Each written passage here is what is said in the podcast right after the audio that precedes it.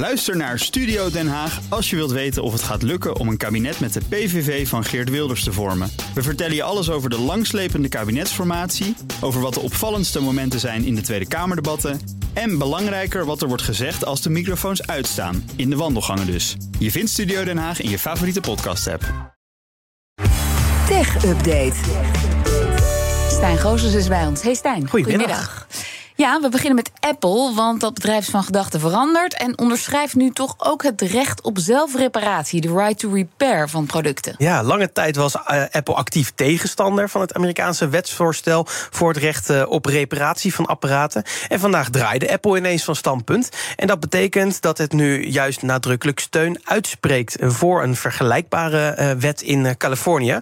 Die Californische wet stelt dat bedrijven alle benodigde gereedschappen, handelingen handleidingen en onderdelen uh, beschikbaar moeten stellen aan consumenten en onafhankelijke mm -hmm. reparateurs, zodat het mogelijk is om elektronica en apparaten te repareren. En een woordvoerder van Apple zegt dat hun producten gemaakt worden om lang mee te gaan. En als ze dan gerepareerd moeten worden, dan hebben, klant, hebben Apple-klanten volgens de woordvoerder een groeiend aanbod van goede reparatieopties. Nou, dat groeit dus zeker nu ze deze wet steunen. In 2019 lobbyde het bedrijf dus juist nog tegen die wetgeving en kregen alleen gecertificeerde gecertificeerde reparateurs de nodige spullen. Ja. Uh, bovendien zijn de spullen van Apple ook vaak behoorlijk lastig te repareren. Met speciale schroeven, uh, moeilijk verwijbare onderdelen die juist ja. kapot gaan als je er iets net verkeerd mee doet. Je moet hem eerst half koken, je telefoon. Ja. Een bakplaat, geloof ik. Ja, die zitten natuurlijk kan. zo dicht. Apple wil graag hele mooie producten maken. Maar ja, dan gaat daar vaak het recht op reparatie aan ten onder. Uh, maar ja, die trend die lijkt overal in de techwereld een beetje te veranderen. Steeds meer bedrijven letten op die repareerbaarheid. Ook landen letten daarop. En uh, ja, die wetgeving die zet daar dus extra druk op. Zoveel druk dat Apple nu ook om lijkt. In Europa wordt ook gewet, uh, gewerkt aan zo'n wet. Uh, maar waar Apple in de VS juist nu ook al reparatiekitjes bij sommige producten aanbiedt voor Apple-producten, zullen we in Europa daar ook nog even op moeten hm. wachten. Dus het is uh, nog maar even kijken hoe, hoe we daar in ja. Nederland, wanneer we daar wat van horen. En dan TikTok wil linkjes op het platform naar Amazon en andere webwinkels verbannen. Ja, en dat komt omdat hun eigen webwinkel het minder goed doet dan verwacht. In de VS heb je naast TikTok als videoplatform namelijk ook de TikTok Shop. Uh, producten die je dan in video's tegenkomt, kun je direct kopen in de winkel van het platform. En daar verdienen ze natuurlijk aan. En in Azië is die TikTok Shop uh, al wat langer actief en razend populair. Daar wordt dagelijks 50 tot 60 miljoen dollar aan spullen verkocht en gekocht. En eind dit jaar zou dat zelfs 90 miljoen moeten zijn als het aan TikTok ligt. In Europa is die winkel nog niet beschikbaar. En in Amerika sinds kort uh, wel. Maar daar wil het nog niet helemaal lopen. Uh, daar geven klanten nu 3 tot 4 miljoen per dag uit. En dat moet eind dit jaar eigenlijk al 10 miljoen worden... als het aan moederbedrijf ByteDance ligt.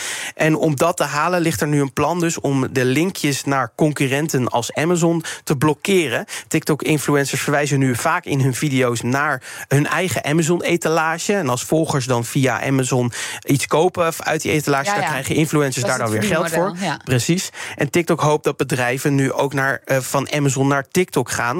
Of in ieder geval op allebei de platformen willen verkopen. Maar in Amerika blijkt dat toch lastiger dan verwacht. Ondanks dat ze als winkel uh, uh, nog niet zo hard gaan, heeft het platform wel heel erg veel invloed op het koopgedrag van Amerikanen. Maar daar profiteert dus juist Amazon op dit moment van. Maar de Verenigde Staten is toch met een enorme anti-TikTok-campagne ook bezig. Het wordt ja, verboden ja, dus, voor ja. overheidsmedewerkers in bepaalde staten, de stad New York. Ja, maar nog steeds zijn er miljoenen mensen in Amerika dat die dat gebruiken. Dus daar ligt ook gewoon geld.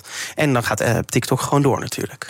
Google's AI-zoekresultaten noemen Adolf Hitler een inspirerende leider. Ja, daar gaan we weer. Nou. Half jaar nadat we de AI-chatbots Bart en Bing uh, hebben horen hallucineren, waarbij ze antwoorden gingen geven die niet klopten, of juist over de grens gingen. Uh, uh, ja, en een tijdje terug kwam Google met het idee om die AI-modellen te gaan integreren in de Google zoekmachine. En nu is dat dan nog in beta, maar het wordt wel publiekelijk getest. met AI worden dan sommige zoekvragen boven de lijst met linkjes naar websites ook meteen uh, met lijstjes van resultaten gegenereerd door AI. En als je dan dus bijvoorbeeld zoekt naar leuke dingen om te doen in Amsterdam, dan krijg je een lijstje met suggesties van Google's AI. Maar dat blijkt dus echt nog in beta, want dat gaat nog grandioos fout. Online deelde een gebruiker van de nieuwe zoekmachine het antwoord op de vraag wie de meest efficiënte en meest inspirerende wereldleiders waren. En Google komt dan mooi met de Nelson Mandela, Winston Churchill. Maar in die lijst staat dan dus ook Adolf Hitler. Met correcte beschrijving wel van wat die, waar hij dan voor bekend staat.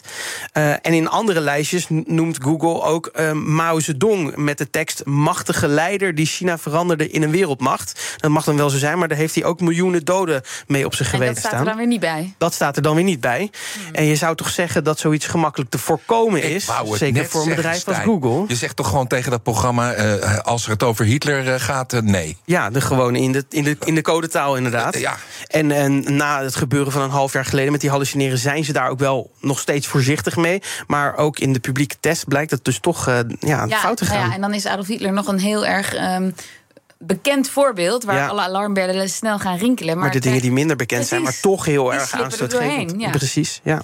Dankjewel, Stijn Gozens. De BNR Tech Update wordt mede mogelijk gemaakt door Lenklen. Lenklen. Betrokken expertise, gedreven resultaat.